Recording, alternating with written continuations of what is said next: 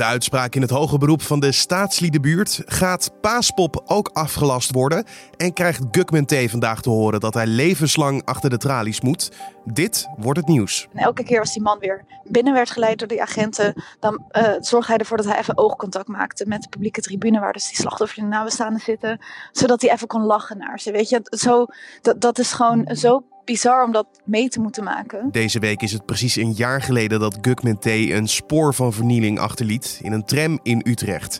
Na verschillende opmerkelijke zittingsdagen zal hij vandaag zijn straf horen van de tramaanslag. Alles wat je hierover moet weten hoor je straks van rechtbankverslaggever Lisa van der Wal. Maar eerst kijken we kort naar het belangrijkste nieuws van nu. Mijn naam is Carne van der Brink en het is vandaag vrijdagochtend 20 maart. Het wereldwijde dodental van het coronavirus is boven de 10.000 mensen gekomen. Al dus de Amerikaanse site Worldometers. Vooral in Italië, Spanje, Frankrijk en Iran vielen er de afgelopen dagen veel doden. En in Nederland staat de teller op 76 doden door de gevolgen van het coronavirus. Inmiddels zijn wereldwijd ruim 87.000 mensen hersteld van het virus. En van de bijna 150.000 mensen waarvan het bekend is dat ze momenteel zijn besmet met het coronavirus, liggen er zo'n 7500 in serieuze of kritieke toestand in het ziekenhuis. Wel voor de duidelijkheid, Worldometers baseert zich alleen op officiële informatie van regeringen en gezondheidsinstellingen. Het aantal maaltijdbezorgers dat slachtoffer is geworden van een overval is toegenomen van 96 in 2018 naar 130 vorig jaar.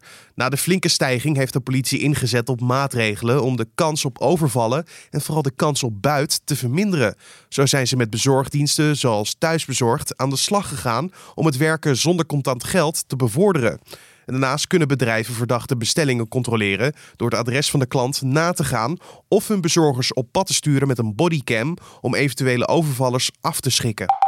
De Olympische vlam is vrijdagochtend vanuit Griekenland aangekomen in Japan. Door de strenge coronavirusmaatregelen was er slechts een klein ontvangstcomité. Verschillende vooraanstaande Olympisch atleten hebben kritiek geuit op de oproep van het Internationaal Olympisch Comité om ondanks het coronavirus gewoon door te gaan met de voorbereiding op de Spelen van komende zomer in Tokio. Want als het aan het IOC ligt, zullen de Spelen gewoon gehouden worden tussen 24 juli en 9 augustus. En in India zijn vrijdagochtend vier mannen opgehangen die ter dood waren veroordeeld voor de verkrachting van een jonge vrouw. In december van 2012 werd een 23-jarige studente door zes mannen verkracht in een rijdende bus in New Delhi. De mannen lokten de vrouw en een vriend in de bus die buiten dienst in New Delhi reed. Terwijl ze de mannelijke vriend in bedwang hielden, werd de vrouw meermaals verkracht. Vervolgens werd ze ernstig mishandeld met een stalen buis en ook haar vriend kreeg raak klappen. De vrouw overleed twee weken later. Ze had ernstig hersenletsel opgelopen en infecties in haar longen en buik. En dan het gesprek van deze vrijdagochtend. Spuug, een middelvinger en het commentaar leveren op nabestaanden. Zo zou je de zaak tegen Gukman T. kunnen samenvatten. T. staat terecht voor de tramaanslag in Utrecht precies een jaar geleden. Vandaag krijgen we te horen welke straf de rechtbank hem zal opleggen. En we gaan hierover praten met rechtbankverslaggever Lisa van der Wal. Want hoe zou zij deze zaak het beste samenvatten? Nou, dat was vooral een bizarre zaak om te gaan volgen in de inhoudelijke behandeling. Uh, dat kwam natuurlijk omdat het een heel heftige gebeurtenis is die we in Nederland ja, hiervoor natuurlijk niet hebben meegemaakt. Zo'n uh, dodelijke aanslag. En natuurlijk ook vanwege de houding van Gugman T. was het echt een hele aparte zaak. Het was woensdag precies een jaar geleden dat Gugman T. Eh, rond ging schieten in een tram. Dat hebben ze herdacht in Utrecht. En hoe indrukwekkend was dat? Nou, het, het was natuurlijk de bedoeling dat het heel groot zou worden opgepakt. Er is natuurlijk ook een parkje aangelegd op de plek waar de aanslag heeft plaatsgevonden, ter hoogte van het 24 oktoberplein. En daar zou dus een, een grootschalige herdenking moeten plaatsvinden met toespraken, een minuut stilte, nou, uh, zoals je het zou verwachten. Maar vanwege de coronacrisis, de uitbraak van het coronavirus, um, kon dat niet doorgaan. Er is uh, wel een toespraak geweest van burgemeester uh, Van Zanen. Die heeft ook een bloemstuk neergelegd. En er is uh, een minuut stilte gehouden.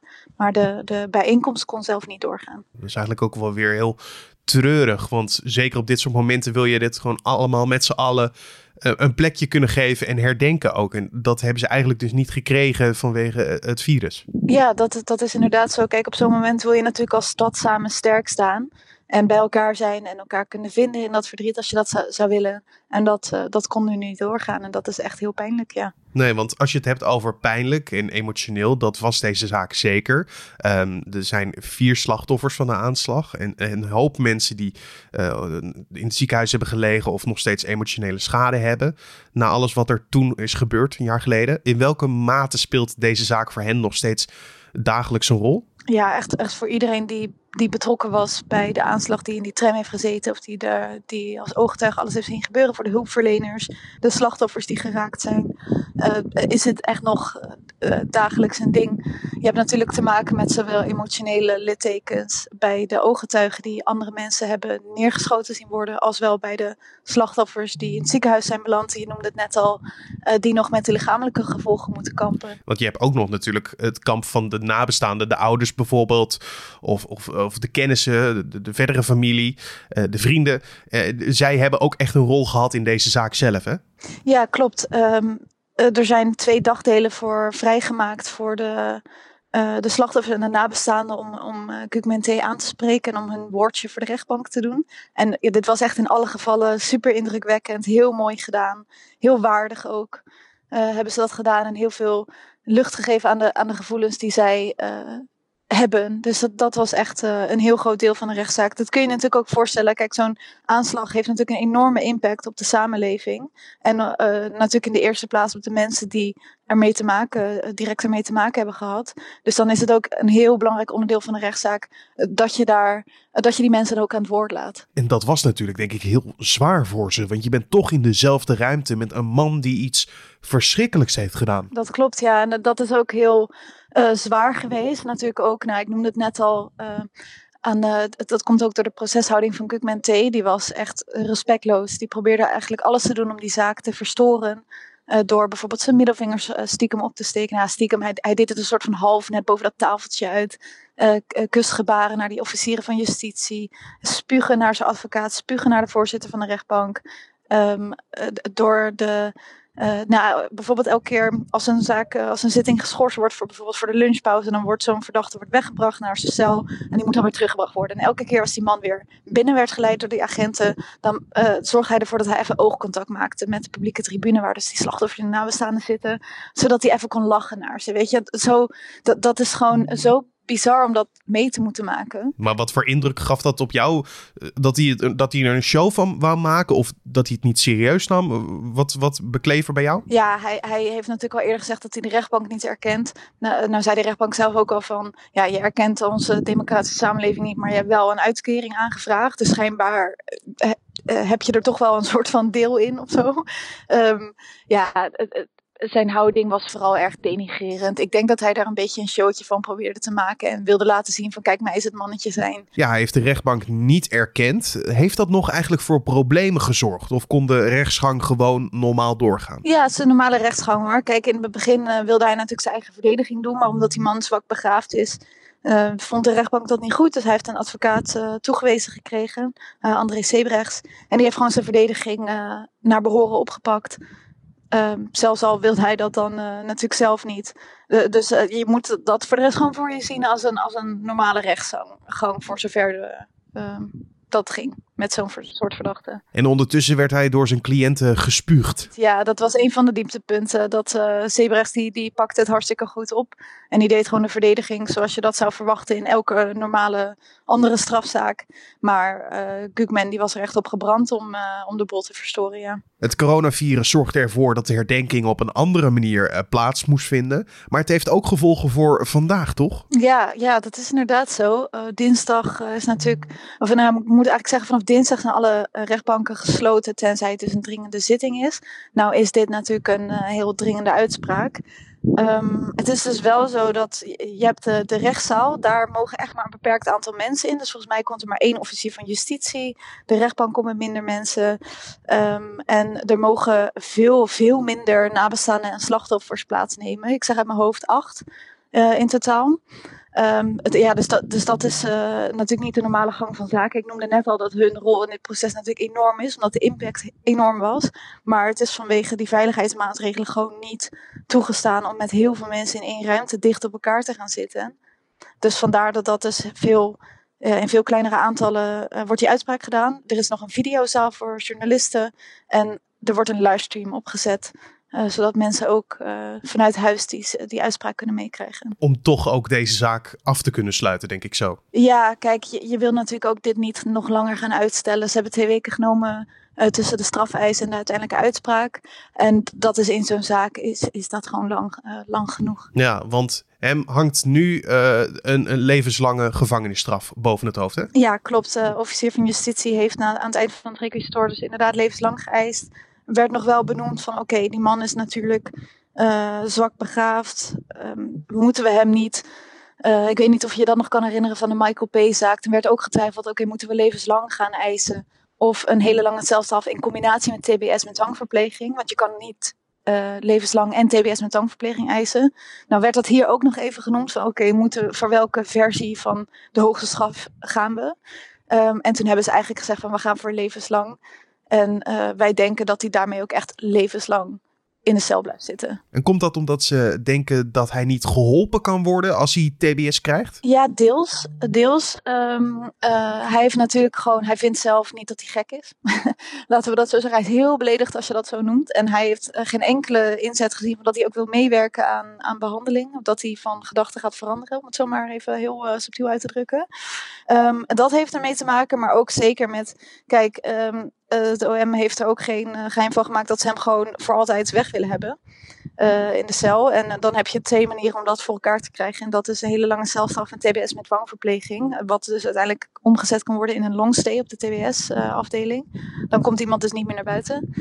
of je gaat voor levenslang in, met het idee van: oké, hij kan dan een verzoek tot herziening van zijn zaak doen. Maar dat gaat waarschijnlijk afgewezen worden omdat deze man niet gaat veranderen. Dus die twee smaakjes heb je eigenlijk. Want we hebben het net gehad over dat hij de recht rechtbank niet heeft erkend. Maar zou dan deze zaak nog een staartje kunnen krijgen in de vorm van een hoger beroep? Of is dat aan hem eigenlijk niet besteed? Ja, dat is dus heel uh, uh, apart. Uh, dat laat zich gewoon nog niet voorspellen. Omdat in een normale strafzaak gaat de advocaat met zijn cliënt in in beraad van oké, wat wil je zelf doen? Wat, uh, wat zijn je opties? Wil je wel een hoger beroep? Maar omdat er nu geen enkele vorm van communicatie lijkt te zijn tussen Kukman T en zijn advocaat die hij zelf überhaupt niet wil, uh, weten wij gewoon niet of er nog een hoger beroep aan zit te komen. En afsluitend Lisa, ik, ik moet je de vraag stellen, ook al denk ik dat ik het antwoord zelf kan invullen. Heeft Gukman T ergens spijt van? Nee, heeft hij niet dat heeft hij ook heel duidelijk gemaakt. Hij, uh, hij, hij, vindt het, uh, hij zegt ook dat hij het jammer vindt dat andere mensen niet zijn, uh, zijn gestorven die hij wel heeft beschoten. Dus ik denk dat met zekerheid te zeggen is dat deze man geen enkele vorm van spijt heeft. Dat was rechtbankverslaggever Lisa van der Wal. En rond het middaguur zal de straf van Gugman T. bekend worden. En dan kijken we nog even wat er verder op de agenda voor vandaag staat. De rechtbank doet vandaag ook uitspraak in het hoge beroep van de dubbele liquidatie in de staatsliedenbuurt. Het Openbaar Ministerie eist in hoger beroep wederom levenslang tegen Adil A. Omdat hij volgens justitie wel degelijk betrokken zou zijn geweest bij het vuurwapengeweld waarbij twee mannen om het leven kwamen. Advocaat Benedict Fiek bepleitte eerder dat er geen direct bewijs is dat haar cliënt in de Audi zat van waaruit topcrimineel Benhoef A. op 29 december 2012 in de Amsterdamse staatsliedenbuurt onder vuur is genomen. En verder vindt er een pro forma zitting plaats in de zaak tegen de van seksueel misbruik verdachte Kiet Bakker. Daarin wordt bepaald of het voorarrest van de voormalig verslavingsdeskundige en hulpverlener wordt verlengd. Het ene na het andere evenement verdwijnt van de kalender vanwege de coronacrisis. Maar muziekfestival Paaspop in Schijndel staat vooralsnog wel op de agenda van 10 tot en met 12 april. Maar mogelijk komt daar vandaag verandering in, want de organisatie gaat in overleg. Het festival trok vorig jaar in drie dagen tijd zo'n 90.000 bezoekers. En dan het weer. Het is vandaag een dag met veel bewolking en soms valt daar wat lichte regen of motregen uit. De meeste regen wordt verwacht in het zuidoosten. In het noorden blijft het droog met in de middag ook wat zon. En de opklaringen breiden zich in de avond over het hele land uit. De middagtemperatuur is om en bij de 8 graden. En de noordoostenwind is matig tot krachtig en maakt het extra fris. En het weekend wordt zonnig. Alleen zaterdag is in het zuiden meer bewolking aanwezig. Met een maximaal rond de 9 graden is het fris voor de tijd van het jaar. En om af te sluiten nog even dit. Het duurt te lang, we staan hier al een tijdje. En we moeten door, dus voor de laatste keer. Het spijt me, het duurt te lang. Oh, just gotta go skyward,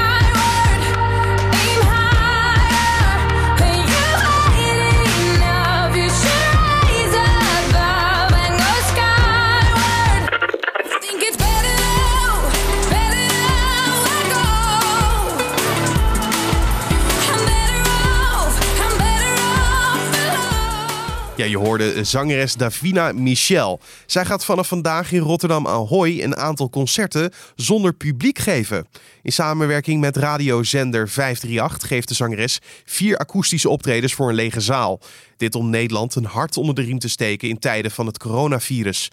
Aan de concertreeks met de naam 17 miljoen mensen werken ook artiesten als Snelle, Direct, Rolf Sanchez, Maan, Emma Heesters, Wolf, Alan Clark en Glenn Faria mee. En dit is vanaf vandaag vier vrijdagen achtereen te volgen via onder andere TV 538, Radio 538, YouTube en Kijk.nl. En het vindt allemaal plaats rond 9 uur. En dit was dan de Dit Wordt Het Nieuws podcast voor deze vrijdagochtend 20 maart. Je vindt de podcast elke maandag tot en met vrijdag om 6 uur ochtends op de voorpagina van nu.nl. En van maandag tot en met donderdag ook in de middag met de middageditie. En ja, de vrijdag dan? Ja, de vrijdag hebben wij de Week van Nu podcast. Daarin bespreken we wat het meest heeft gespeeld bij ons op de redactie. En de verhalen die bij ons zijn ontstaan. Of uh, waar we tegenaan liepen deze week. Dat hoor je allemaal in die podcast. 9 van de 10 keer altijd met onze hoofdredacteur. En met redacteuren van eigen bodem. Die hoor je dus vanmiddag. En mocht je nog feedback voor ons hebben, tips en tricks en allemaal andere zaken. Stuur het op naar podcast.nu.nl. En je kan een recensie achterlaten bij Apple Podcast. Mijn naam is Carne van der Brink. Veel plezier vanmiddag dan met de Week van Nu podcast. Een hele mooie dag, ook gelijk een mooi weekend. En ik ben er maandagochtend weer, dus tot dan.